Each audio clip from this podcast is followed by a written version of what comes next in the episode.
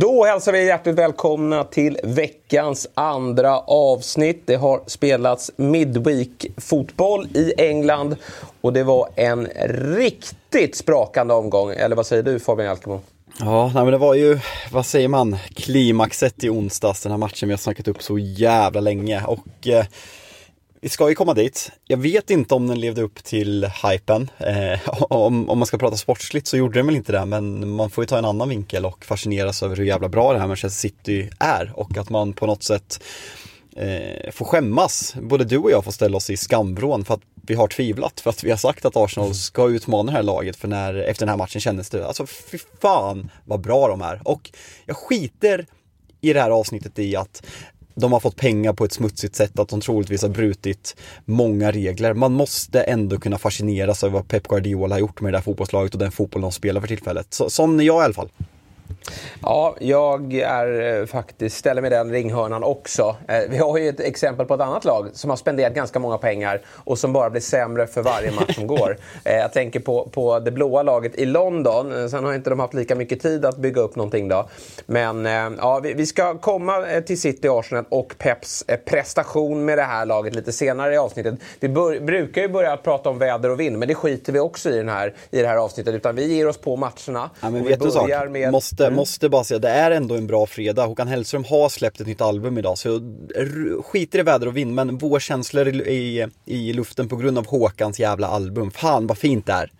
Jaha, eh, kommer han att... Jag är inget Håkan-fan, eller jag, jag eh, är inget musikfan eh, över, överhuvudtaget. Då, men kommer han att eh, ut och turnera, vad säger man, kommer han dra till Ullevi här i sommar eller? Nej, inte Ullevi men en Sverigeturné. Mm. Sen ska jag faktiskt, mm. jag lyckades otroligt nog, jag ska se Håkan live i Barcelona den 31 maj. Så det, det är något jag ser fram emot otroligt jävla mycket. Så ja. uh, det, eh, och sen blir det nog någon gång uh, stadion i sommar tror jag. Sen kanske, mm. vi får se något mer. vi får vet se vem, helt enkelt. Vet du, vem, ja. vet du vem som också släpper album idag? Han är inte lika stor som Håkan Hellström. Nej, jag såg att Victor Lexell släppte en singel men jag misstänker att det inte är där ute efter. Nej, det är nämligen min, jag är god vän med honom. Andreas Weise eh, ah. släpper ju album. Han är inte på Hellström-nivå ännu då, men han, han kämpar och krigar sig dit. Älskar, fan man, jag vet ju att ni är vänner, men fan vad man älskade honom, honom när han var med i, uh, slog väl igenom Idol eller? Och sen var det Let's Dance och lite Bingolotto och, så vidare. Ja, han har ah. varit runt lite överallt. Men det var nog främst i Idol och så var det Let's Dance eh, som du säger. Och nu så är det ett nytt album på G. Så det får man väl lyssna till då. Eh, men nu blir det fotboll för hela slanten. Och eh, vi har ju då eh, gårdagen då färskt i minne. Och det var ditt eh, Manchester United som åkte till Tottenham Hotspur Stadium och mötte ett Spurs i kris. Och, du har lärt dig det nu?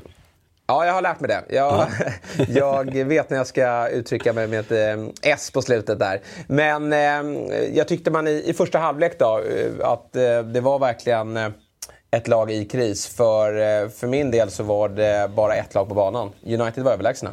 Ja men jag sa ju att jag var skeptisk i den här matchen på förhand med tanke på Uniteds bortafacit. Men som du säger att jag tycker att United är jävligt bra i första halvlek. Eh, och sen som du säger, alltså när United får det där 1-0, man hör Glazers out från, från United och man hör Levy out och det, det är banners och det var ballonger. Jag vet inte varför, om det var någon protestaktion. Så det var ju verkligen, det var något som hade hänt i den här klubben efter 1-6 mot Newcastle och det kändes som en ganska fientlig stämning som jag, ja men jag jag kan inte minnas på rak arm att jag har sett den i Tottenham, så det var ju helt klart en speciellt och spe det blev ännu mer tydligt med, ja, med 0-2 i röven i första halvleken där United är fullständigt överlägsna i grund och botten. Jag vet inte om du har sett det klippet. Jag visste inte vem hon var, men, men det är tydligen en kvinna som heter Donna Cullen som sitter i... Eh, hon sitter bakom eh, Levi här på, på hedersläktaren. Hon är, är en del av styrelsen och man har ju zoomat in henne då vid 2-0 målet när hon säger “This is shit”. Eh, har du sett det klippet? Nej, faktiskt inte. Nej. Men jag kan väl Nej, hålla med henne. Man behövde inte vara någon läppläsare för att eh, konstatera det. Och eh, ja, det, det, summerar väl hela Spurs första halvlek. Det är klart att de har ju lite lägen de med. Eh, och man tycker ju någonstans att eh, när de ställer den där anfallstrion på banan, som de har gjort några gånger i år. Eh, jag syftar då till eh, Richarlison, Harry Kane och Son. Att det borde kunna blir ganska slagkraftigt framåt. Men man får ut alldeles för lite eh, av den där offensiven. Och, och eh, Richarlison, vi, vi eh, har alltså passerat 30 omgångar och han är mållös i Premier League. ja, det... Det, är svårt, det är svårt att ta in han ska ju på något sätt vara tacksam att han spelar i Tottenham. Eh, för det skrivs inte lika mycket om Tottenham som det gör i, om man jämför med ja, men kritiken andra nyförvärv får i större klubbar, exempelvis Darwin Nunez, exempelvis Jadon Sancho, Anthony som har kostat de summorna. Richarlison är på den nivån, han är ordinarie nio i Brasilia, Brasiliens landslag. Och eh, det har något, på något sjukt sätt gått under radarn att han har gjort noll Premier League-mål. Det, det är katastrofalt. Alltså, jag ska inte summera den värvningen än. Jag tror att han, om Harry Kane lämnar så kommer vi kunna summera den på ett annat sätt. Men just nu är det ju en jätte, jätte, jätteflopp som det på något sätt pratas för lite om. Ja, och det är väl eh, den stora det stora problemet för Spurs, alla deras sommarvärvningar som vi, var, som vi imponerades utav har i stort sett varit misslyckade. Eh, Bissoma är väl skadad nu, men, men han var inte bra när, när eh, han fick eh, sina chanser. Eh, Richarlison har ju eh, Kanske vi får ett motargument i att han inte har spelat så mycket, men det är ju, är ju av en anledning. Dels skadorna, men också att han inte har varit särskilt bra. Kulusevski har ju varit lite upp och ner under den här säsongen, men det har varit ganska givet, tycker jag, att det är han som ska ha den där platsen ute till höger, som Son hade igår. Då. Vi har Perisic som inte heller har varit duglig. Eh, Longley eh, har väl blandat och gett, men, men eh, absolut inte tillräckligt bra. Pedro Porro kommer i... Ja, mest blandat. Han, Pedro Porro kommer här till, till, i januari. Och, och, det är väl också upp och ner. Det finns liksom ingen självklar värvning som har klivit in och, och lyft Spurs eh, under den här säsongen. Och sen då rörigt med, med eh, olika tränare. Och jag tycker att Spurs, alltså när man möter ett United som, som har hela eh, ja, men, varenda back skadad, eller på att säga. Men det är Luke Shaw och eh, Victor Nilsson Lindelöf eh, som, som eh, är mittlås i den här matchen. Då tycker jag att Spurs ska kunna vara eh, betydligt farligare mot United. Det blir ju otroligt mycket bättre i andra halvlek, men innan vi går dit så tycker jag att det är imponerande hur United... Eh, ja, men jag gillar dels hur, hur man mönstrar det här laget. Vi har väl ofta sagt att Rashford är bäst ute till vänster. Nu ehm, eh, får han en central roll och, och, det tycker jag han sköter på ett bra sätt. Men framförallt så tycker jag Jadon Sancho, det visar sig att när han kom till United så var det väl att han kunde spela på många olika positioner. Men framförallt så klarade han högerpositionen på ett bra sätt. Men jag tycker att det är ganska tydligt att han trivs bäst till vänster i den här matchen. Det är där han kan göra, men det där målet han gör, det är så man har sett honom i Dortmund och den spelen United på något sätt ville ha. Och det är det som har varit en sån enorm besvikelse att han varken har speed för att dra sin gubbe. Han, eh, det känns som att han inte har självförtroendet och vågar dra in och, och göra, göra de där sakerna. Gjorde jag, vad fan gjorde han? Gjorde han inte typ så här 19 mål och 17 assist någon, någon säsong i Bundesliga? Det var helt otroliga poäng. Eh, och i United har man ju verkligen sett en spelare med svagt självförtroende som inte har fått det lossna. Så hoppas verkligen att den där straffen på Wembley och sen det här målet kan vara startskottet på en fin avslutning på säsongen. För det kommer, det, det kommer behövas. Eh, och eh, det, det, det, är som sagt väldigt glädjande att se med, ja, men vi har pratat om det tidigare, att han hade de där mentala problemen och var borta en stor del av den här säsongen. Så det, det, är jävligt glädjande att se. Men måste, måste fråga dig med United, så jag har dragit mig lite från omedvetet att prata om ja, men hela situationen med Manchester United. Jag på många sätt så gör vi ju en jävligt bra säsong. Man tippade sexa av de flesta, jag tror både du och jag tippar United sexa. Eh, en ligacuptitel är redan säkra, ska upp i en FA-cupfinal eh, final mot Manchester City. Så säsongen är ju mer än väl godkänd, men samtidigt är det något som något som gör, jag ska inte säga att det gör ont i, mig, men något som jag liksom inte får grepp på att kollar man på vi, vi har en bra startelva. Eh, när bytena sker i andra halvlek, och jag, jag, ser att många på sociala medier kritiserar alla bytena, men samtidigt Christian Eriksen har varit skadad, han orkar inte 90 minuter. Eh, bytet av Fambisaka kan man väl ifrågasätta, men kollar man på Eddie Howe, vad han gör med de här på pappret mediokra spelarna, man kan inte säga liksom att, ja men Scott McTominay, Fred, eh, Fambisaka, eh, Martial, folk klagar på dem som att de är Championship-spelare. Alltså en bra tränare måste ju kunna få sådana här spelare att komma upp en nivå till och Erik Ten Hag har gjort många startspelare bättre, det ska han ha cred för, men just de här truppspelarna, så fort United inte ställer upp med sina elva bästa spelare så faller man igenom fullständigt. Om man jämför exempelvis med Newcastle som jag gjorde nu, jag, jag, jag ser en problematik. Erik Ten Hag värvade för nästan 3 miljarder. Jag tycker att man ska kunna kräva mer när man gör några byten. För skillnaden i kvalitet är så jävla påtaglig så fort en eller två spelare går ut. Vad, vad känner du kring det här? Ja, nej, men det är absolut problematiskt och det har vi väl varit inne på hela året att det, det är för stor skillnad mellan eh, Uniteds bästa spelare i elvan kontra den, eh, eh, ja, men den sämsta och då är det ganska många som eh, aspirerar på att vara sämst i startelvan. Igår, som du säger, jag tycker ändå backlinjen är ju vad den är. Den, är. den är skakig, men det är på grund av skador. Och skador har man ju faktiskt haft en hel del under det här året. Mycket på grund av att man har spelat väldigt eh, många matcher. Och, och, man har varit slitna. Men jag tycker från, från eh, mittfält och framåt så, så, ställer man en väldigt bra eh, elva på banan. Eh, jag tycker att eh, Bruno Fernandes är i den rollen han ska vara. Eh, han, när han, Eriksson är på banan, vilket han inte har varit nu på Eh, några månader för han har haft den här fotskadan. Men, men då kan Bruno flyttas upp i banan och Eriksen är ju faktiskt perfekt som, som någon form av åtta där Casemiro får sköta balansen. Men eh, när de då inte håller, eh, och de orkar inte spela 90 minuter, då kommer de här dussinspelarna in. Och ja, det, det, det ligger någonting i det. Ja, det här har ju trollat med extremt små medel. Och kanske att eh, Ten Hag inte lyckats eh, på samma sätt. Men, men som helhet så tycker jag att det är, en, det är en bra säsong. Jag tycker att som sagt första halvlek med det här liksom det här lekfulla mittfältet. Alltså vi har mm. fem spelare som, som är väldigt skickliga på att trilla boll och jag tycker de spelar sig ur Spurs halvdassiga press. Men på ett väldigt imponerande sätt och, och tar sig till väldigt många målchanser. Det ser ut som att de har väldigt kul ihop.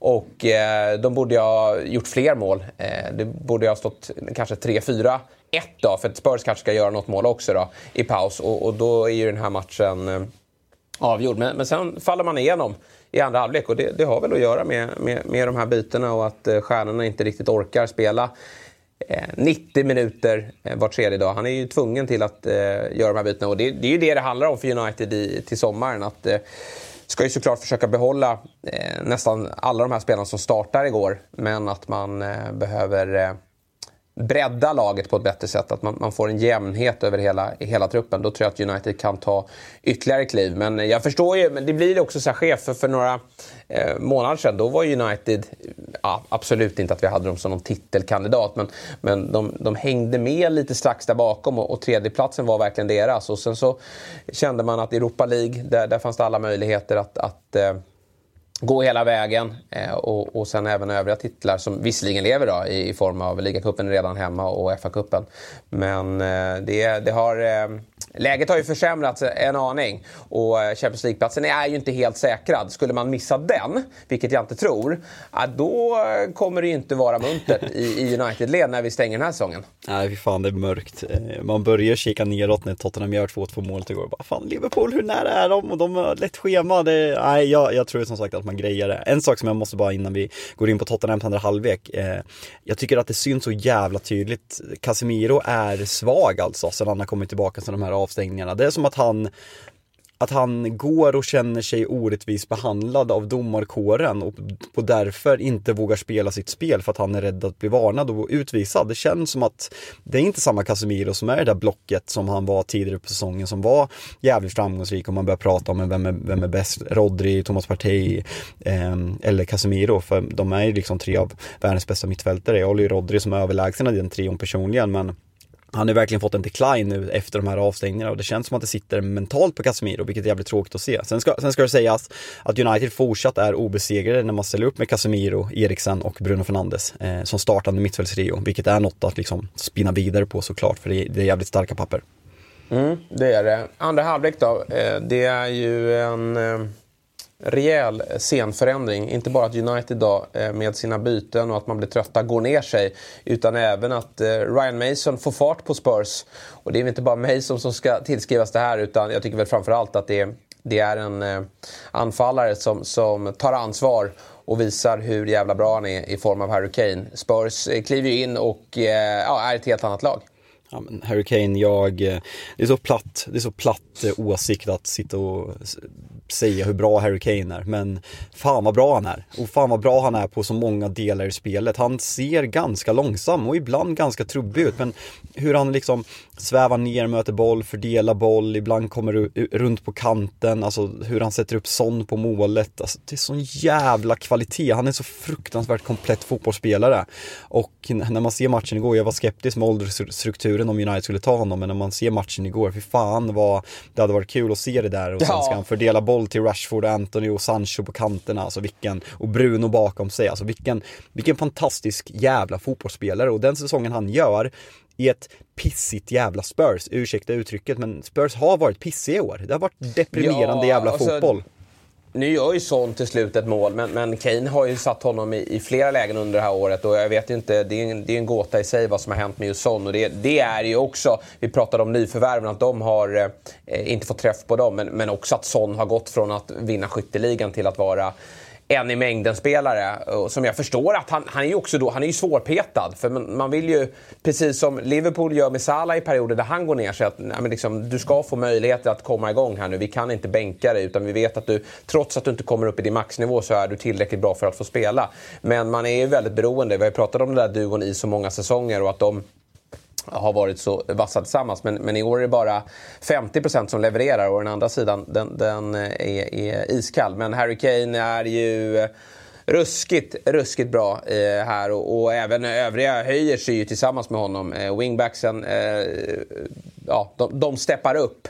Och eh, någonstans känns det nästan rättvist när, när, när 2-2 målet kommer. Sen tar ju United tillbaka taktpinnen på nytt. Spurs, Spurs alltid... slutar ju spela, jag fattar inte. Ja. Jag, jag, jag, jag, tycker inte att United är speciellt bra. Det är som, jag tror att det var eh, BM som eh, med i Ledley Kings knä skrev på Twitter, alltså så här, det finns ändå en mikroskopisk chans på Champions League för Tottenham om man hade vunnit den här matchen. Nu med krysset är den helt, helt eh, körd. Men gör 2-2 när det är i 81 eller något, jag, jag kommer fan inte ihåg. Eh, att publiken liksom, det ska, det ska vara elektrisk stämning där inne. Spelarna ska bara fortsätta pumpa på adrenalinet med kvitteringen och stämningen och det bara känns som Tottenham börjar spela av matchen, som att det liksom står 3-0 och man ska spela av matchen. Det är jättekonstigt sista 10 minuterna där United på något sätt får ta över takten som du säger. Jag, och jag tycker inte att det är att United är bra, jag tycker att det är att Tottenham låter United göra det och sista 10 minuterna är jättetråkiga om vi får säga så på en annan, annars väldigt underhållande match. Ja, eh, det, det var en fantastiskt underhållande match. Jag som neutral, jag förstår att du var frustrerad. Du var nog väldigt nöjd i första halvlek, men, men eh, besvikelse i andra. Men, men, jag som satt i soffan och, och, inte hade några känslor inblandade njöt ju av att det var, det var ju målchanser i, i, i, i varje minut, kändes det som. Och eh, det hade definitivt kunnat bli fler mål men, men slutet av matchen så kanske var att det var lite så midweek-känsla över det hela. Att det, var, det har spelats mycket matcher mot slutet och att de båda blir lite, lite trötta. Men, men om vi ska eh, sammanfatta det hela så känns det ändå som att det är två förlorare här. United som eh, visar i första halvlek att de är ett mycket bättre lag och att då, då, då ska man straffa Spurs och kliva därifrån med tre poäng. Och, eh, ta tag i den där fjärdeplatsen eller tredjeplatsen. De är ju strax bakom Newcastle och, och säkra sin Champions League-plats. Men eh, man, man, faller igenom och, och, Spurs som eh, ju är femma, de hade ju faktiskt behövt vinna den här matchen om chansen till Champions League-spel ska vara eh, realistiskt. De har ett tufft schema, de har någon match mer spelad och formen är inte särskilt god. Så eh, ett kryss, det, det det leder ju till att Spurs är väldigt långt borta att, ifrån, ifrån att spela Champions League nästa år. Då. Håller ja. du med? Två förlorare? Ja, på förhand har jag tagit krysset men det är klart att det blir en jättebesvikelse när man har 2-0 och är tämligen överlägsen i första halvlek. Måste bara fråga dig innan vi fortsätter, jag skrev det på Twitter igår. Alltså deras 2-1 mål, alltså nu kanske inte David de Gea hade tagit det än men Richarlison ligger ju alltså där de Gea vill positionera sig, på mållinjen när Pedro Porro gör målet. Så om de Gea ska positionera sig där så måste han kliva Richarlison på ryggen eller magen. Alltså är inte det offside? Alltså jag kan inte reglerna men det måste, han jo. påverkar ju vart de Gea kan ställa sig genom att ligga i offside. Det är så här, vad fan? Ja, det kan jag hålla med om. Det där borde de ju kunnat plocka på, på var, eh, VAR-kollen. Men eh, sånt skiter de i ibland. Eh, ja. Och då, då, blir det, då blir det inget nytt domslut. Men 2-2 eh, i alla fall då. Spurs eh, United, underhållande match. Och eh, båda lagen får fortsätta sin jakt på Europaspel.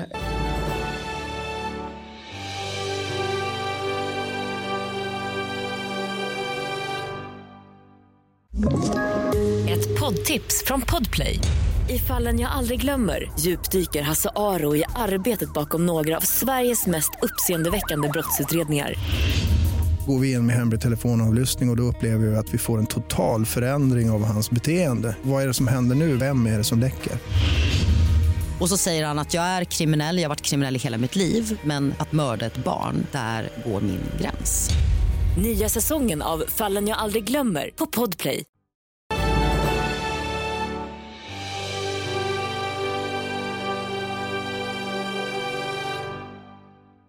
I övrigt då under eh, torsdagen så, så får vi såklart landa då, eh, på Goodison Park där eh, Everton möter Newcastle.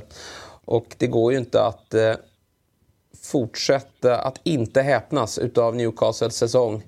Man pratar så här årets tränare. Det finns ganska många bud på det eh, den här säsongen. Vissa hävdar ju att det är den som Ja, det är bara det vinnande lagets tränare som, som, som kan utses till det. Men eh, sett i prestation så är det ju Eddie House hantverk det senaste ett och ett halvt året. Det, vi, vi fortsätter att eh, bara gapa inför, inför det faktumet att de är väldigt nära nu en, en Champions League-plats.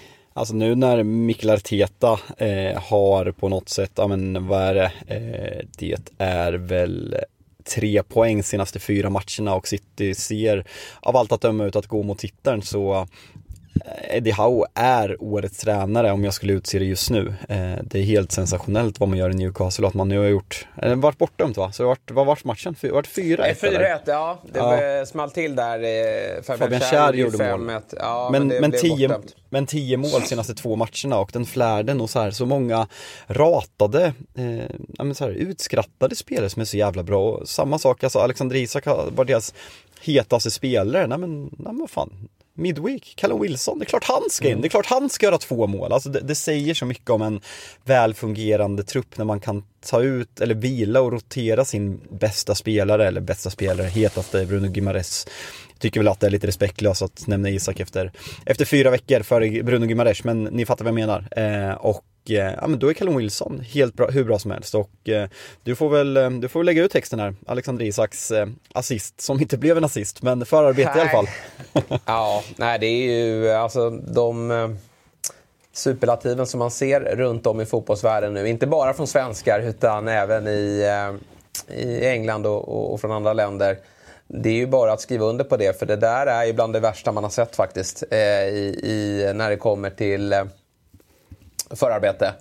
Han tar ju bollen alltså från, från mittlinjen. Jag tycker det har lagts ut lite olika klipp från det där som har spridit sig och, och, några visar bara upp det han gör nere vid hörnflaggan. Men det är ju faktiskt som så att första bollkontakten sker ju vid mittlinjen. Och eh, ja, det steget, eh, den, den totala kontroll på bollen och det usla eh, försvarsarbete som man måste också... skit, skit, nämna. skit, skit i det. Ja, men så är det, ju all, så är det ju faktiskt alltid när den där typen av soloräder sker. Det är klart att det är dåligt ja. försvarsspel. Och det är ju för att man någonstans eh, liksom, eh, tappar fokus för att det ska inte kunna hända. Den där typen av saker ska inte kunna hända. Om vi bara är samlade här så ska han inte kunna ta sig förbi. Men eh, det, är så, det är så många finter och det är väl det värsta eh, förarbetet man har sett i, i svensk väg sedan Zlatan gjorde sitt mål mot Nackbreda. Då, då var det visserligen ett mål. Men, men det här blev ju inte ens en assist i slutändan. Jag vet inte, den touchar på någon Everton-spelare eller? Vad, vad är det ja. som gör att det inte blir någon, någon jag, assist? Jag vet faktiskt inte. Alltså, så här, ju, han har ju fått den borttagen FPL-mässigt. Jag vet inte om, den offent, om det är samma för ja, FPL. Då, FPL har ju lite luddiga regler sådär, typ att man får, ja. du får ju assist om du typ fixar en straff. Det får man ju inte i verkliga statistiken. Jag, jag hoppas att det här blir en assist i den riktiga men inte i FPL. Eh, jag vet faktiskt inte. Men kan, är det inte så här också att det här är en sak som Alexander Isak, man pratar så här, ja, men han har gjort det jävligt bra, eh, gått lite under radarn hela tiden, är han världsklass, är han inte världsklass, han varit skadad. Det är en sån här sak som gör att folk över hela världen får upp ögonen för, för honom. Det är ju ja. en sån här sak man, jag säger inte att man behöver det, men en sån här sak som bygger en världsstjärna. Eh, och det här är ju det här är som att se Prime Lionel Messi. Alltså det ser ut ja. som, ja men det ser verkligen ut som att man, nu spelar inte jag Fifa, inte gjort det på jävligt många år, men det ser ut som att du typ, du tar ett lag med average rating på 50, sen gör du en fuskgubbe som är liksom 99 på allting. Alltså så ser det ut, det ser ut som att han, han fuskar, alltså att han har lim på fötterna och är så mycket snabbare, så mycket starkare och han bara glider ju det här Henry-steget som gör det så mm. mycket sexigare också, det här glidiga steget. Nej, det, nej fan när, när folk börjar skriva på Twitter, jag bara nej men nu svenskarna är igång och ska överdriva igen och det är säkert, ja men säkert snyggt men sen när jag ser det där alltså ja. Kommer man på mycket snyggare assister i Premier Leagues historia? Nu kanske jag är raljant men vad fan alltså Suarez har ju ett liknande mot United men det här, det här är snyggare Jag kommer fan inte på något på rak arm Nej, jag kan inte heller komma ihåg. Sen, sen är, jag, kan, är jag svag i den där typen av historiekoll. jag också. Som, som kan jag skicka också. upp liksom, tio exempel som man nickar med och instämmer eh, när, de, när de kommer till tal. Men, men eh, det, det, är ju eh, otroligt häftigt. Och eh, senast man pratade om honom sådär worldwide, det var ju eh, under fotbolls-EM. Då stod han ju för lite av den där typen, inte, inte alls eh, samma dignitet av, av Solored, men, men mot Slovakien och även mot Spanien. Mm. Och, um, han, han, lyftes fram då i, i eh, olika länder och Gary Lineker hyllade honom. Men då pratar man om att han gör ju inga mål, han, han, han saknar målskyttet. Men nu gör han ju det här samtidigt då som han har gjort väldigt många mål här på slutet. Och nu pratar vi världsstjärna. Och nu pratar vi Newcastles eh, Golden Boy som de ju, eh, ja, de kommer ju inte släppa honom för, för, eh, för någonting i världen. De, de behöver ju inte pengar direkt. Utan det är ju om Isak själv då eh, säger, sätter ner foten lite längre fram att jag, jag vill till... Ja, men jag, jag, kan tänka mig att Alexander Isak, om jag, om jag får blicka lite framåt, han är ju verkligen på rätt plats. Det har vi konstaterat sedan tidigare. Och han ska vara kvar i Newcastle nu. Nu blir det Champions League-spel nästa år. Och, och uh, han ska försöka ta dem till nästa nivå. Han kommer få en, en ny omgivning. Jag tänker vi kommer till den diskussionen också för det blir ju intressant att se hur Newcastle bygger vidare på det här. Men, men att fortsätta bygga vidare på att göra många mål, vara en, en, en superstjärna. Sen tror jag att men alltså, det är många nior som kommer lägga av här nu. Lewandowski, eh, Benzema. Harry Kane har ju några år kvar, men, men sen så passerar han 30 och, och kanske går ner sig lite. Ja, men då är det ju Isak som bakom Haaland såklart som är absolut nummer ett. Ja, men han kommer ju vara en av de absolut bästa och, och då kommer ju de största klubbarna att vara nyfikna på honom och då måste Newcastle vara på en plats där, vi kan, där de kan säga till Alexander Isak att Eh, vi, vi, kan ge dig möjligheten till att vinna titlar.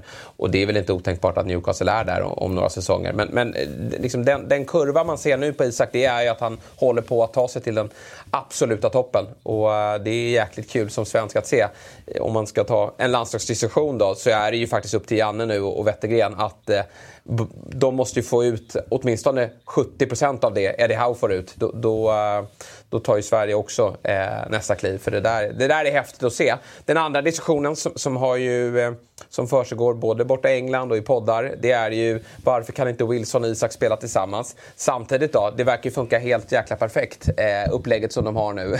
där, där Isak är väl förste man men där han vilas då eh, i veckorna och där tror jag att Eddie Howe är lite försiktig. Han har ju en skadehistorik bakom sig och, och nu eh, handlar det väl om att hålla alla friska och krya här i, i slutspurten.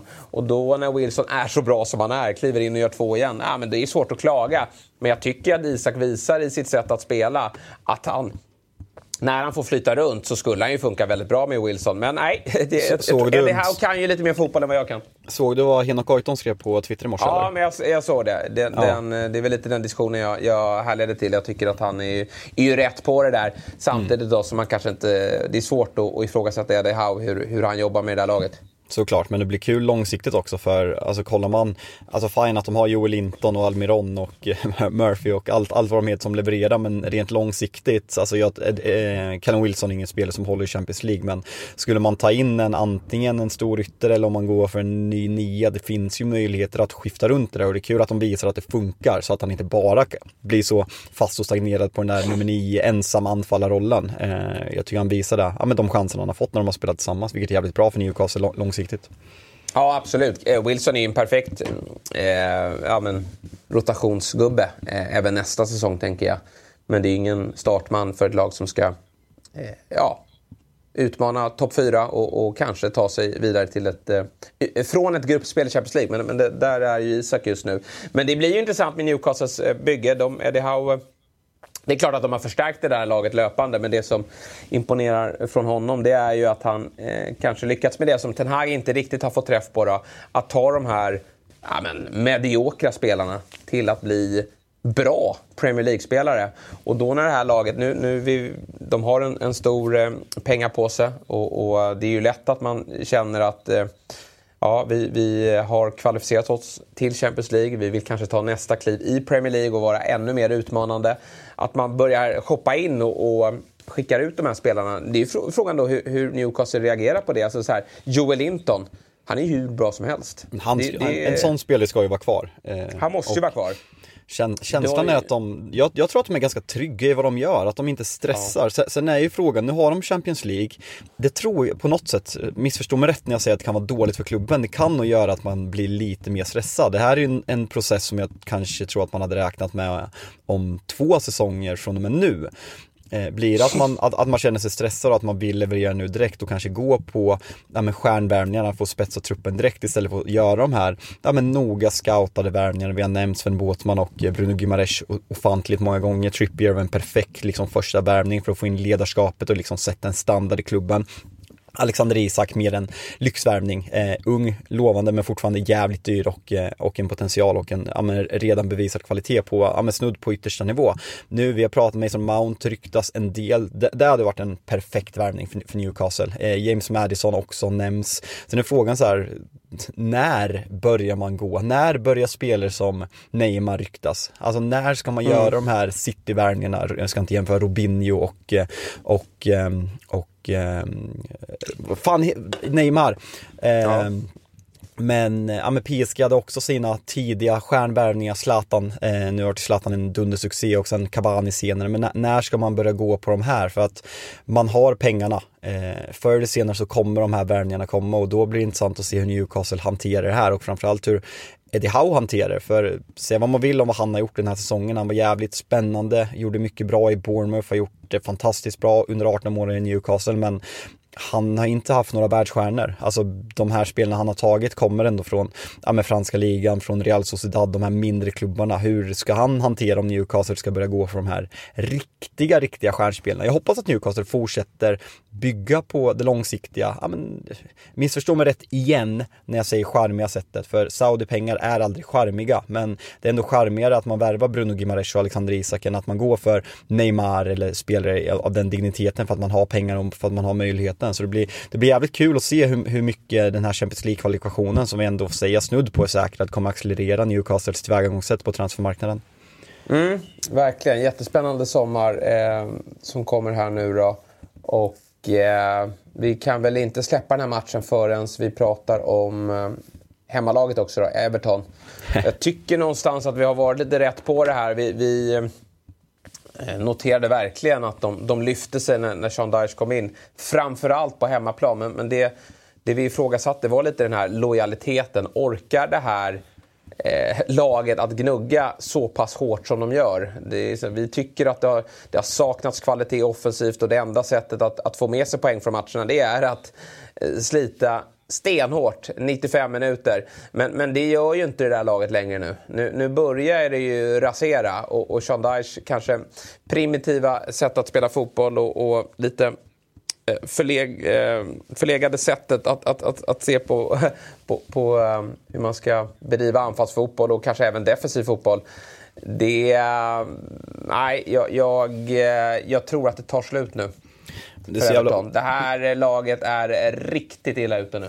Det är så jävla ovärdigt när man ser liksom, man, de kör bussmottagning, det är bengaler, liksom fansen ja. sluter verkligen upp bakom det här jävla pisslaget. Och det är ju fint i supporterkretsen när det är sådär, alltså gå bara till till den svenska bollen nu. Blåvitt är på väg att sälja slut sin tredje raka hemmamatch. Man har gjort noll mål, det, det är ju det finaste som finns. Alltså supportrar som sluter, ut, sluter upp när laget är på en historiskt låg nivå. Men eh, är du med? Har, har, du sett matchen som är på måndag? Är du redo? Du kommer få ångest bara du hör jag säger det här. Berätta, jag har faktiskt inte, jag har inte stenkoll. Leicester-Everton. 21.00.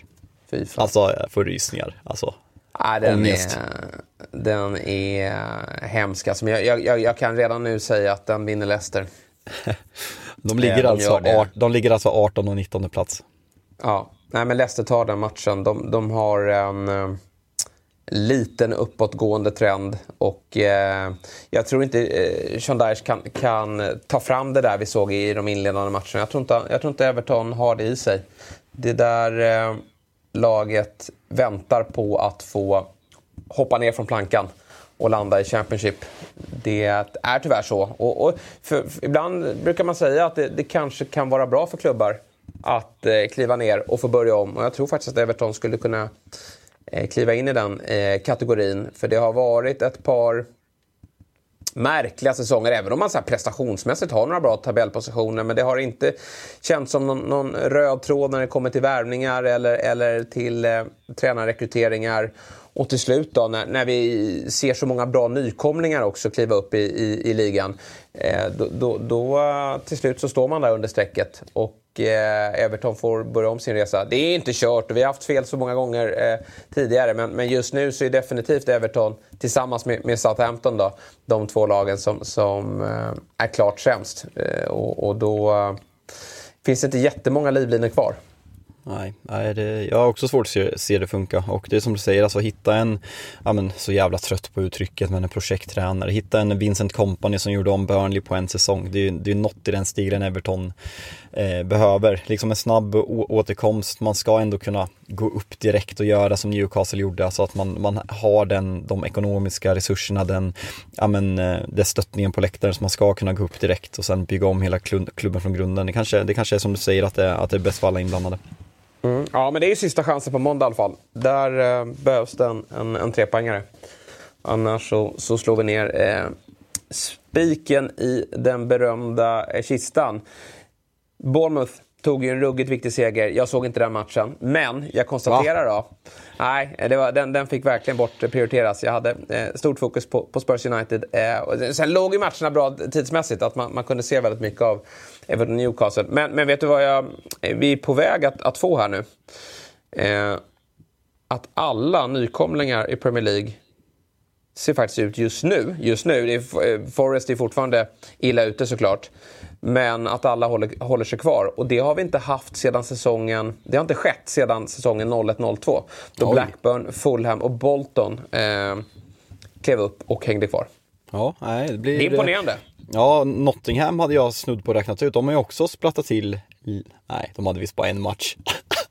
Ja. Nej, det, är alltså... det, det är ändå en sänkt ribba för att sprattla till man har vunnit en senaste fem. Nej, men Forrest är fortfarande väldigt illa ute såklart. Nu tog de en imponerande seger mot Brighton, men, men eh, de kan definitivt trilla ner. Men jag, jag håller faktiskt, ja men dels Southampton Everton, sen håller jag Leeds som, som sämre också. Och... Eh, jag tror faktiskt att Forest med sitt, en, sitt fina... De har ju Nottingham Forest kvar. Jag vet, de har Southampton kvar på hemmaplan att möta.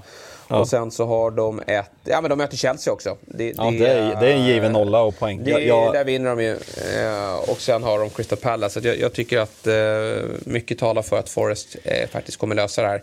Leeds och Everton har svårt att se att ta poäng, ytterligare några poäng till under den här säsongen. Alltså. Nej, jag måste bara... Det, är en sänkt ribba för att sprattra till och vinna en match av senaste tolv. Ja, det, det är verkligen sänkt ribba, det får jag säga. Men det är några kryss där också. Ja, absolut. De är på gång nu. De är på gång. Ja, de är på gång nu. Ja, snitta, tre poäng, snitta tre poäng senaste matchen. Ja, det är starkt. Det är starkt. Ja. Vi... Eh, ska vi ta, ska vi ta Etihad? Ska vi ta Etihad? Ja, nu får vi ta Etihad. Nu är det många som har och väntat och undrar vad vi sysslar med. Eh, att vi inte nämner Premier Leagues absolut hetaste match för säsongen. Det var dags för final då. Där vi hade eh, Manchester City som tar emot ett Arsenal och där vi visste då att Arsenal hade kom till matchen med tre raka poängtapp, tre raka kryss. Och ett City som eh, ja, hade väl sex raka segrar i ligan och, och, dessutom skickat ut Bayern München i Champions League. Absolut bästa tänkbara form på City. Men det behöver liksom inte vara eh, någonting som leder till att man gör en topprestation när ett topplag kommer på besök. Jag, vet att jag har sett många lag möta de här sämre lagen och, och vara överlägsna i den typen av möten. Men sen så kommer det ett, ett topplag på besök och så får man inte ut max. Man, det är mycket press, för det visste vi att City behövde ju vinna den här matchen. Ett kryss hade i och för sig det hade varit en besvikelse, men, men då hade man ju fortfarande kanske varit favoriter på, på ligatiteln. Men eh, Pep gick ut och var väldigt tydlig med att vi, vi, vi kommer behöva kliva ut och, och, och vinna mot ett väldigt bra lag. Eh, och eh, City, de motsvarar, eller de, de eh, står upp för alla förväntningar och är precis så bra som, eller precis så bra, så där bra hade inte ens jag tänkt mig att, att det skulle kunna se ut.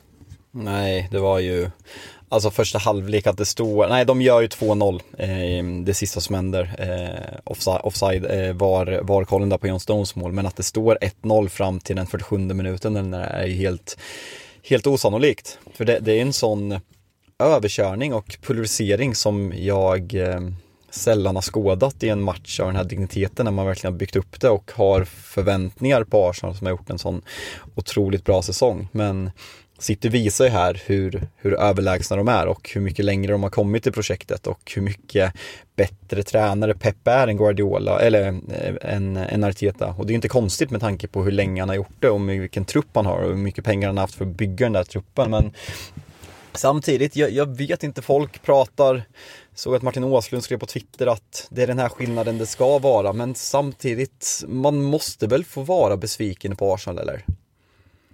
Alltså att de är så här undermåliga i under 90 minuter, alltså de blir totalt, totalt överkörda. Jag, jag, säger ja, inte att man viker ner, jag säger inte att man viker ner sig mentalt den här matchen, det tycker jag verkligen inte. Men att man inte står upp bättre. Jag tycker att man har gjort det bra i båda matcherna, både i FA-cupen som man körde på Etihad och även i, i ligamatchen. Dock på Emirates ska sägas, det är en stor skillnad, men att det är sån här stor skillnad. Arsenal har tio ordinarie spelare och ser en stor skare i Arsenal-led som skyller allt på Rob Holding. Alltså Arsenal är det, det laget som har förskonats mest från skador av alla, överlägset i hela Premier League den här säsongen. Om man en mittback borta, man kan inte bara säga, ja men William Saliba, det, det, det är det, som gör allting. Alltså man blir totalt pulveriserade den här matchen över 90 minuter. Jag skiter i att man tar över lite efter 3-0. Sitter och låter dem göra det och sen får man in ett mål, absolut. Men över 90 minuter så är det en fullständig jävla pulverisering där.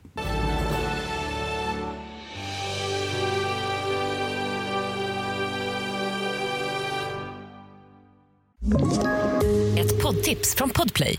I podden Något Kaiko garanterar östgötarna Brutti och jag, Davva, dig en stor dos skratt. Där följer jag pladask för köttätandet igen. Man är lite som en jävla vampyr. Man har fått lite blodsmak och då måste man ha mer. Udda spaningar, fängslande anekdoter och en och annan arg rant. Jag måste ha mitt kaffe på morgonen för annars är jag ingen trevlig människa. Då är du ingen trevlig människa, punkt. Något kajko, hör du på podplay. Därför är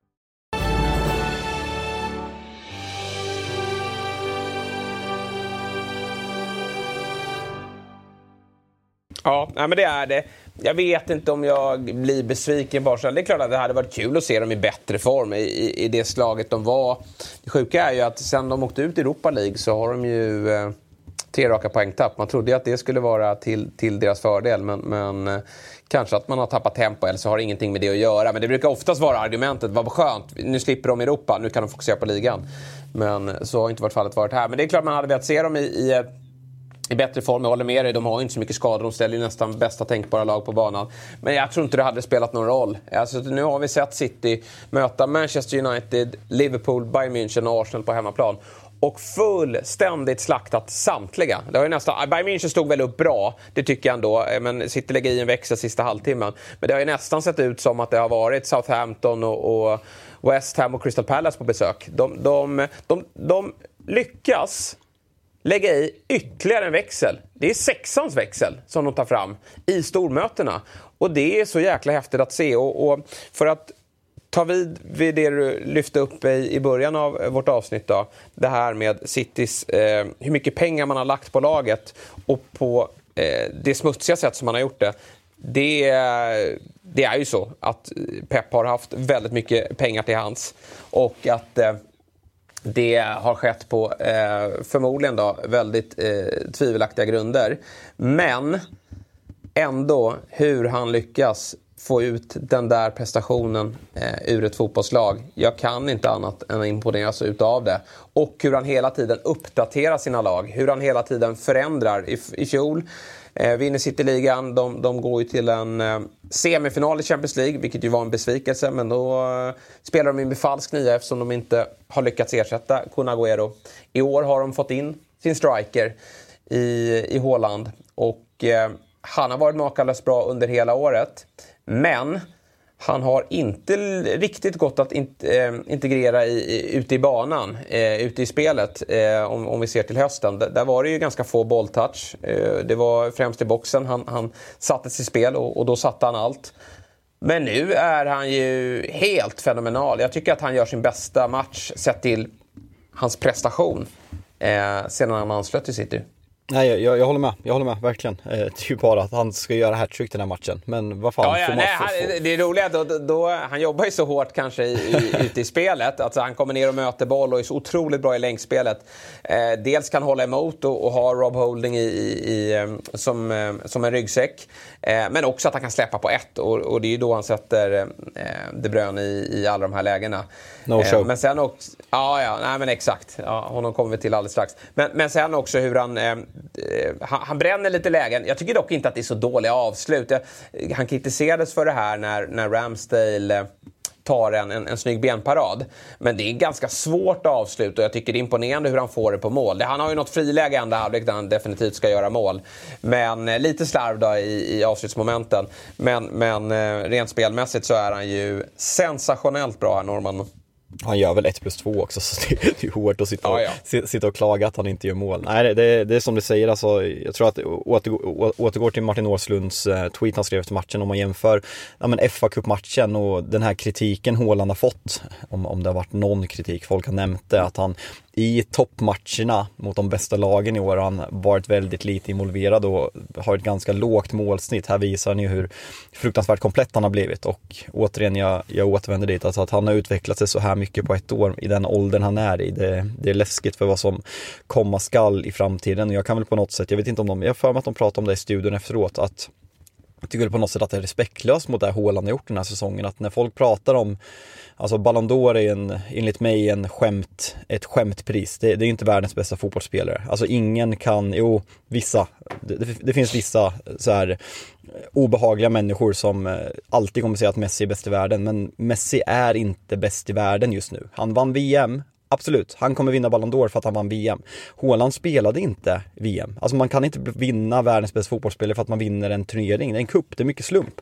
Hål, att inte Haaland nämns i utnämningen världens bästa spelare tycker jag är jävligt respektlöst för han är där uppe tillsammans med Mbappé om jag ska säga två stycken. Och sen så, vi måste ju som du var inne på, vi måste nämna Kevin De Bruynes, ja men, återkomst efter, efter haveriet i VM en lite svagare och perioden efteråt. Ja men mm. exakt, ja, men en svagare period därefter och jag, jag vet faktiskt inte, har, har du något svar på det? För att det finns, alltså vi PL-runkare håller ju Kevin De Bruyne jävligt högt. Och man ser ju ofta att det är folk som inte har sitt favoritlag i England som, ja men kör det här, ja men no show, han är sämst i fi final i de viktiga matcherna. Ja fan, han fick eh, okbenet knäckt i en Champions League-final. Fan, fan vad han viker ner sig. Och att han kliver fram så här i de här matcherna och det är inte första gången han gör det i avgörande Premier League-matcher. Alltså vad, hur kommer det sig att folk fortfarande på något sätt underskattar Kevin De Bruyne? Alltså jag håller honom som Ja men utan att, nu kanske jag inte tänker igenom det här, men senaste fem åren, lätt topp tre i världen. Alltså på den nivån är han i jämnhet och prestation. Ja, eh, alltid svårt att jämföra prestationer men om vi tar på det centrala mittfältet så är han ju tveklöst där och eh, han är ju så användbar i, i så många olika typer av roller på det där centrala mittfältet och Pep vet ju ja, men från match till match hur han ska använda honom. Vi har ju sett honom kliva ner och, och vara lite sittande och vara med i uppspelsfasen. Här spelar han ju någon form av second striker. Alltså han är ju väldigt nära Håland och det är häftigt hur de har hittat varandra ändå. Nu är det ju Håland som betalar tillbaka med assisten men de två har ju en otrolig kemi tillsammans. Och eh, han, han, eh, de slaktar ju Arsenal centralt. Alltså, eh, Gündogan och, och kliver ner lite mer som en, en, en sexa här tillsammans med Rodri. Och, och Xhaka och Partey, de, de, lyckas ju inte eh, få tag i, i, eh, i Kevin. Som mm, ja, har ju någon form av fri roll och, och då är han nästan som bäst för då, då får du ju fram de här offensiva egenskaperna. När han Eh, kanske när City är mer offensivt balanserade, ja, men då blir han en av de som hämtar boll för han ska driva fram boll. Och då kommer han inte lika mycket eh, avslutsmoment eller avgörande, slår de här avgörande passningarna. Så han, är ju, han får ju den här offensiva rollen oftast i toppmatcherna. Och jag, han gör mig sällan besviken. Och eh, det kommer ju fler viktiga matcher här framöver. Och, och eh, jag, jag, ja, det spelar ingen roll om han skulle vara lite sämre i en final för min del. Eh, jag, jag håller honom absolut eh, eh, skyhögt och eh, det är... Eh, jag, liksom, jag lite kan andas ut. Jag älskar ju att se honom spela och jag är glad att han, att han hittat tillbaka till den formen som han var faktiskt här under, under hösten. Men, du, men om vi tar den andra norrmannen igen här nu då, Håland. Eh, Nej, men om, om, jag tycker att mycket ska ju tillskrivas Pep här, eh, som har jobbat med honom och, och, förbättrat de här områdena eh, kring honom. Det är ju lätt att så här, nöja sig med en spelare att ah, men du är bra i djupled, du ska inte vara så involverad i spelet, vi behöver inte integrera dig särskilt mycket utan du, du kanske inte kommer ha så mycket boll men när du väl får den då, då ska du göra mål. Men Pep har ju känt kanske lite som diskussionen har varit att ja, men ska City bli bättre som lag, ja, men då kanske Haaland även måste förbättra targetspelet, längdspelet, att kunna släppa bollen på ett och veta, han ska kunna värdera på ett bättre sätt. Och nu såg vi ju det i den, i den största, eh, i den största utav matcherna. Och, och, det, det är också ytterligare en fjäder för både Haaland då, men, men eh, för Pep. Och, och, kan han bygga vidare på det, eh, då, då är han ju bäst i världen. Ja, ja absolut. Och, he hela pep, och hela Peps jävla verksamhet han håller på med nu. Alltså, det är svårt att sätta ord på hur bra han gör spelare och sen är det så här, ja, det är klart att Ake värvades för typ 450-500 miljoner men han har ju varit utskrattad nu. Att han får honom att vara en så viktig del i laget. Att han får John Stones att vara en inverterad ja, men, typ vänsterback, mittback, eh, ibland högerback, alltså allting. Att han, ja, men att han förändrar sig själv, att han nu börjar spela ett mer rakt spel, att, Rod, att han får Rodri som får en katastrofal första säsong när han ska ersätta Fernandinho till att bli, ja men enligt mig, världens överlägset bästa defensiva mittfältare. Att han att han får Jack Grealish från att vi pratar om liksom, ja, men vi har sagt i den här podden att det är dags att gå vidare. Jack Grealish behöver vara etta i ett lag. Att alltså kolla Jack Grealish jävla arbetsinsats. Alltså Jack Grealish har ja. blivit en Bernardo Silva. Alltså, och det här är ju, alltså så här, hur många spelare kan få Jack Grealish med allt det visuella, den stjärnstatusen han hade i Aston Villa. Hur får man honom att bli Bernardo Silva? Alltså det, det är så fruktansvärt imponerande vad Pep gör. Så jag, har svårt att finna ord. Alltså Sir Alex Ferguson är väl den som klassas som den bästa tränaren genom tiderna. Och ledarskapsmässigt så pratar man mycket om honom. Alltså så här, han jag kan inte se ett gammalt United och säga, ja men det här är United. Det var ofta 4-4-2, mycket flärd och mycket inlägg på, från Ryan Giggs och David Beckham på mittfältet. En, ja men passningsskickligt och hårt jobbande centralt tvåman mittfält med Keane och Scholes när man var som bäst och sen ett tvåmannaanfall som byttes ut mycket under åren. Men just den här, det Pep har gjort och sen, sen fine, han har gjort det med så fruktansvärt bra förutsättningar i Barcelona, i Bayern München och Manchester City. Men sättet han har influerat fotbollen på, sättet han slaktar allting. Och jag, jag är ju återigen där, vinna Champions League, Ja, det är väl en svaghet av Pep, absolut, att han har gått bort sig några gånger i den här turneringen. Men över 38 omgångar så bevisar alltid vem som är bäst.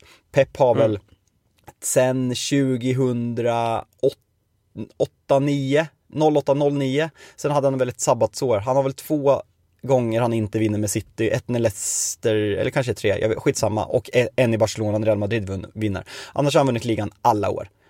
Alltså det, det mm. är, det är en sån ny nivå. Jag fortsätter imponeras så jävla mycket av det där geniet. Eh, så nej, det, det, det, det, var fan på en ny nivå. De här matcherna, dels mot Bayern München 3-0 och även den här matchen mot Arsenal. Det ett, eh, jag sa innan att man kanske ska kritisera Arsenal, men jag, jag ångrar mig fan. Jag, jag tycker synd om Arsenal. Vilket jävla lag de går, går upp Ja, mot. nej men jag tycker också det. Jag vill inte heller landa i att jag vill kritisera eh, Arsenal. Och, och det är väl bara att det tråkiga är att prestationerna, att man går ner sig lite nu. Jag tror inte det hade spelat någon roll. Man hade kunnat vara toppslag eh, i matchen mot City och man hade förlorat ändå. Men, men jag tänker på poängtappen här mot, mot Southampton och, och West Ham. Det, det, hade man varit i slag där så hade man ju vunnit dem. Och de matcherna, den typen av poängtapp kommer ju ofta under säsong. Men det hade väl kanske varit lite bättre om de kommer i oktober och, och januari. Att man, man kan sprida ut dem. Då hade man ju kommit med mer energi i den här matchen. Men det hade inte räckt ändå. Utan det är City som ska hyllas. Så det finns ju olika typer av prestationer från tränare också.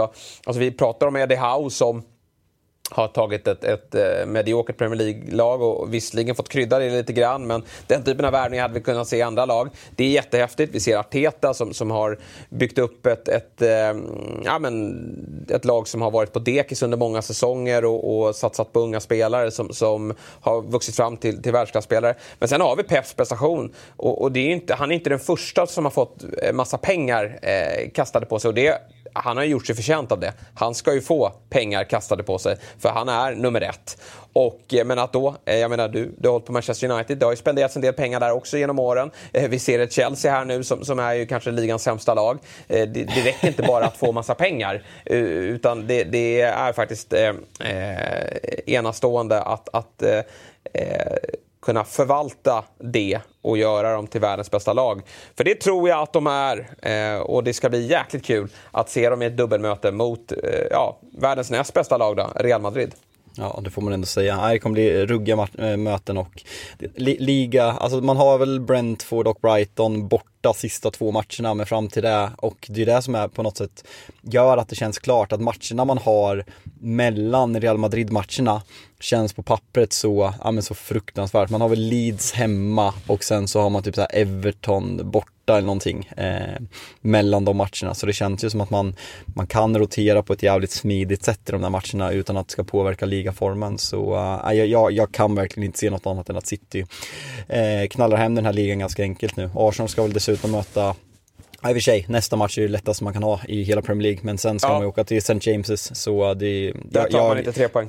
Nej, det, det har jag jättesvårt att se. Arsenal behöver gå rent och eh, troligtvis räcker inte ens det. Eh, och vad talar för att Arsenal helt plötsligt ska, ska gå rent när man, ja vad man släppt in? Man släppt in 2, 2, 3, 7 plus, man släppt in 11 mål i ligan senaste fyra matcherna. Då eh, det, det, det blir inget gå rent för Arsenal inte. Eh, Jack Reelish nämnde du, honom vill jag också lyfta fram. Du har redan gjort det. Eh, han, det är ju anledningen till varför han hela tiden får spela är ju att han, han underkastar sig Pep. Han lyssnar ju till honom och han, han eh, eh, tar fram det där defensiva jobbet som kanske inte alla yttrar gör och kanske som har lett till att Phil Foden har fått stå vid sidan. Då. Men också den här backlinjen då, som vi, eh, när, eh, när han började att ställa ut fyra mittbackar här för några, som, som sen blir då eh, tre mittbackar för att Stones skriver upp centralt. Då, då har man ju eh, Eh, skrattat lite och, och undrat vad, vad dåren hittat på nu. Men, men de är ju, de här fyra mittbackarna, vilka det nu är, de har ju även Laporta och Ake som de kan slänga in där.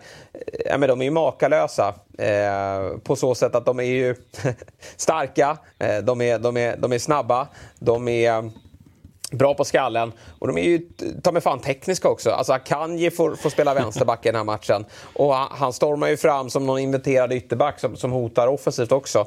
Ja, det, det, det, det är såna häftiga eh, Ja, det, det, är häftigt att se eh, förvandlingen på, på vissa spelare. Han var ju inte särskilt dyr om man jämför med, med övriga spelare. Men eh, nog om det då. Eh, City eh, stora favoriter till att ta hem det. Arsenal får ju eh, slicka såren och göra det bästa av situationen. Chelsea är ju en bra match att studsa tillbaka på. West Ham, Liverpool. Liverpool hade den på den här på, på, andra skärmen. Jag tycker de är ganska svaga i första halvlek och då kände jag så att nu, nu kommer det här poängtappet som jag anade lite att det skulle komma. Men de skärper till sig i den andra halvleken och jag tycker att de i slutändan vinner välförtjänt och, och ja, de ger sig själva chansen här. Ja, det, det är en stark vinst eh, att ta. Alltså OSM som, eh, om det är två, två eller tre raka, eh, och komma till den borta arenan eh, är tufft. Och speciellt när man vänder ett 1-0 underläge så, ja, men Liverpool det tror jag verkligen inte att man gör, men alltså ska man ha chans att utmana United, kanske framförallt om United tappar någon mer poäng, så man måste ju gå rent och man har ju ett väldigt tacksamt schema. Så det blir, det blir kul att se Liverpool. Det känns som att Klopp ändå har hittat någonting, eh, ser bättre ut med trend på mittfältet. Sen är det fortfarande, man släpper in på tok för mycket mål. Eh, och i det där mittfältet, vad är det man startar med den här matchen? Fabinho, Jordan Henderson och Curtis Jones. Det är ju det är på tok för dåligt. Eh, det, mm. det, är där man sticker ut. Jag tycker att Diego Jota eh, har börjat komma igång när han har kommit tillbaka från skadan, ser, eh, ser väldigt bra ut och kommer till väldigt mycket chanser. Så där är också något att bygga vidare på. Får se om Luis Diaz hinner komma tillbaka och backlinjen nu kommer Matip in, han avgör, tar Konatés plats men eh, det är ändå bra att man får, att man får kontinuitet i den där backlinjen, att det inte är liksom, ja men varenda mittback är skadad som det har varit de två senaste åren, att det är lite, mycket hattande vem som ska spela bredvid van Dijk där i, i, i mittförsvaret. Så ändå, ja men något positivt att ta med sig i Liverpool och avslutar man den här säsongen på ett bra sätt så kan man gå in i sommaren och liksom bygga om det där mittfältet som vi har varit inne på så fruktansvärt många gånger. Ja, precis. Alltså, även om det inte räcker till en, en Champions League-plats, för det, det, blir svårt. Men, men eh, en bra avslutning betyder tror jag mycket för, för laget. I, i eh, för det är ju ändå en, en hel del spelare som ska vara med nästa år och, och Trent i ny roll och han får energi utav det. Och, Jota gjorde inte mål i den här matchen, man har gjort eh, massa boll tidigare. Gakpo, eh, Firminos ersättare, eh, tycker att han eh, ser, ser, bättre och bättre ut och har varit riktigt bra här mot slutet trots en lite småkämpig start när Liverpool var så kassa och han inte lyckades hamna i protokollet. Så att, eh, eh det blir nog en, en, en, en bra avslutning för Liverpool som har ju Spurs härnäst eh, att eh, möta och det, det, ska väl inte vara några som helst problem för deras del. Eh, Brighton har vi lyft fram och jag tycker att eh, de, de, har delar i den här matchen där de har varit bra, men de börjar bli lite slitna tycker jag. Eh, det har ju varit eh, en del småjusteringar i den där elvan på grund av skador. Danny Welbeck, eh, Ferguson och så vidare. Men många av de där spelarna har spelat väldigt mycket då, eftersom man har gått långt i, i eh, i diverse olika kupper. Och när de spelar tre matcher på en vecka, då tycker jag att det syns. De är lite ofokuserade, de kommer ju fortsatt i mycket lägen. Men slarvar lite i avslutsmomenten. Och sen läcker de lite bakåt också då. Vi, eh, det var ju vad många har sagt om De Serbi, att de, han, han står för en jäkla fin offensiv och fantastisk i uppspelsfasen. Men att det ibland kan eh, läcka lite och eh, det gör det väl just nu då när man kanske inte är helt fokuserade. Nej, jag, så, jag ska vara helt ärlig, jag hatar när folk säger att man inte har sett matchen men det blev faktiskt ingen repris av Nottingham mot, eh, mot Brighton så jag, jag, jag har sett målen men känslan är väl det här om man får dra en liten hobbyanalys att den där, det kan ha satt sig ganska mentalt jobbigt, de spelade som sagt, ja men en fruktansvärt ja, ja, ja. Sto, stor mm. match för klubben, man fick 120 minuter mot United, åker ut på straffar liksom, egna påläggskalmen som har varit i klubben hur länge som helst, eh, Solomon March missar just den straffen, jag tror att den där semifinalförlusten eh, påverkar det här resultatet ganska ordentligt och jag, eh, ja men det, det vore kul om de eh, pratade om typ att Brentford och Fulham är i det här extrema ingenmanslandet och att det kanske kommer synas på deras prestationer säsongen in, där har de ju fått tokfel för övrigt, de har två raka båda två. Men att Brighton, man hoppas verkligen att de att de liksom studsar tillbaka, har Wolverhampton hemma i, i helgen är ganska passande och sen är det väl United i midweek efter det. Eh, så um, man, man är ganska, man har helt okej okay schema, man ska spela väldigt många matcher, man har väl typ tre hängmatcher ehm, eh, eh, kvar, kvar, Så det är väldigt mycket midweeks och väldigt mycket matcher senaste tiden. Så jag hoppas ändå att man kan avsluta säsongen på ett värdigt sätt och det vore ju fint om man, ja men i alla fall kan ta en eh, en Europa League-plats. Nu är man nere på åttonde plats dock med många matcher mindre spelade men eh, nej, det är tufft. Villa är bra, Tottenham har bra schema, Liverpool har ruggigt bra schema så uh, det blir, uh, nej fan. Jag tror att, det blir tufft. Ja, jag tror att de kan nypa. Det, det blir en kamp om sjätteplatsen med Villa och kanske Spurs. Men jag, jag, tror inte Spurs kommer orka det. Men Liverpool femma och sen så Brighton eller Aston Villa då, på, på på sjätte plats där och Spurs eh, bakom. Sen får vi inte glömma Brentford också som faktiskt är med lite i det racet. Men, men de är några poäng bakom och har dessutom spelat tre matcher mer än Brighton. Nej, de, de ska faktiskt inte kunna blanda sig i där. Men Brentford stod ju, jag vet inte om det är imponerande. Jag vet, orkar, inte, orkar man snacka, ska vi skita i Chelsea eller? Nej, vet vad, vi, vet, vet vad vi ska säga om Chelsea? Vet du hur många poäng före Chelsea är Bournemouth?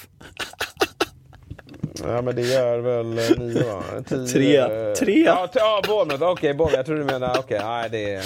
Det är det är två, två, före, två före Crystal Palace och då kommer Chelsea-supporterna säga ja men vi är en match mindre spelad. Ja men ni kommer torska den, så det spelar ingen roll. Mm. Nej. Alltså, nej, det är en ja, men det, alltså. ja, nej, men, vi... nej, men vi, vi, vi, jag orkar inte ta det mer. Jag orkar inte ta det mer. Jag konstaterar också att Chelseas schema är, eh, är eh, dåligt. Ja, de, de, har, de har City, Arsenal, United vet jag. Och Newcastle eh, också. ja, men eh, Man av, av, Nej, jo, inte Man Jo, de, av, de avslutar ja, det, den har hängmatch. De avslutar City borta, United borta, Newcastle hemma. Aj, aj, aj. Ja, och sen om Ars, man... Arsenal borta är torsk. Och sen Bompan borta, Nottingham borta. Det är nedflyttskandidat. Det är torsk. Noll poäng. Mm. Ja, men jag vet inte om Lampard tar en seger. Det, det, något kryss kan de, åka, kan, de, kan de åka ut? Nej, det kan de inte. Leicester är ju tio bakom och det är dessutom eh, ja, massa andra lag som måste ta många segrar. Så det, det, kommer de inte kunna göra. Men eh, det blir väl en 14 15 plats där någonstans. Ja, nej, det är ett, äh... Det är ju bland det sämsta man har sett i, i eh, sen Premier League startade. Alltså sett till förväntningar inför säsongen. Ja, alltså man kommer ihåg den här säsongen när det är väl när Mourinho kommer tillbaka och de vinner för att året efter när det, när det havererar totalt, när, när Mourinho får det här utbrottet på hon, eh, jag kommer inte ihåg vad hon heter, men hon som eh, jobbade i eh, i, ja, men som Medical som sprang in på plan eh, och Mourinho rök efter det. Då låg man väl typ ja, men runt 9-10 när han, när han fick sparken och sen så kom någon interim in och eh, räddade, räddade upp det. Fan, nej nu, nej, skitsamma. Eh, och sen mm. kom, kommer Conte in senare. Så de har ju några sådana här, United också året efter man vinner kommer man väl sjua under David Moyes, så är också ett historiskt jävla fiasko. Eh, men eh, det här med tanke på värvningarna man gjorde i somras. Eh, vi stack ju ut, både du och jag, när vi tippade om femma. Så att man med all sannolikhet kommer komma på undre halvan är ju, nej men kanske det största fiaskot i Premier Leagues historia. Ja, kan vara så. Men inget mer om Lampard och Chelsea nu. Nej, jag, är mycket. jag är klar med dem. Jag är klar med dem. Det är eh, matcher i eh, helgen såklart. Premier League är inne i en jäkligt intensiv period. Det ska ju spelas fotboll i, eh, under veckan igen och sen veckan därefter så är det Europa. Så det, det, finns ju många härliga avsnitt kvar av Big Six där vi kommer att eh, ta ner det mesta. Och till helgen då så är det ju då... Eh, vi har ju Spurs. Liverpool Spurs. Mm. Ja, det har vi. Eh, ja, 17.30, det, det är fin, det är ändå fin, jäv, tråkig lördag men jävligt fin söndag. City United, mm. Newcastle, Liverpool Spurs spelar. Lördagen är riktigt epic dock. Vad fan har hänt där? Ja, den är, det var väl för att det spelas matcher i veckan men någon match till hade man väl kunnat klämma in där. Men eh, fin söndag och sen ångar det på. Men vi eh, siktar väl på ett måndagsavsnitt va? Ja det tycker jag, röd dag också så då passar vi på. Vet mm, du, jag måste, bara säga, jag måste bara säga det, nu kommer jag låta så fruktansvärt gammal, men som igår. United spelar 21-15. Matchen är slut 23.15, studio, man är uppe i varv, man är irriterad, mm. man ska kolla Twitter. Somnar inte förrän halv ett, kvart i ett och sen ska klockan ringa 06.30. Kan inte, ja. kan vi inte bara ställa om klockan till engelsk tid? Alltså 21.15, ja, ja. det är för sent. Det är för sent. Ja. Mm, jag håller med, det är lite sent och 21-15 är en väldigt sen avspark. Sen gillar jag att de lägger upp det så att man kan se lite av varje match. Mm, eh, Just det också. När, när någon match går i halvtidsvila så har den andra redan dragit igång. Mm. Men 21-15 är lite väl eh, sent då. Eh, så det, det får... Eh, det får de tänka till eh, borta i eh, Premier League helt enkelt. Bra då eh, Fabbe, då gör vi väl som så att vi önskar våra lyssnare en trevlig helg. Och eh, att vi hörs på måndag igen. Det gör vi. Ha det bra. Ha det bra, hej!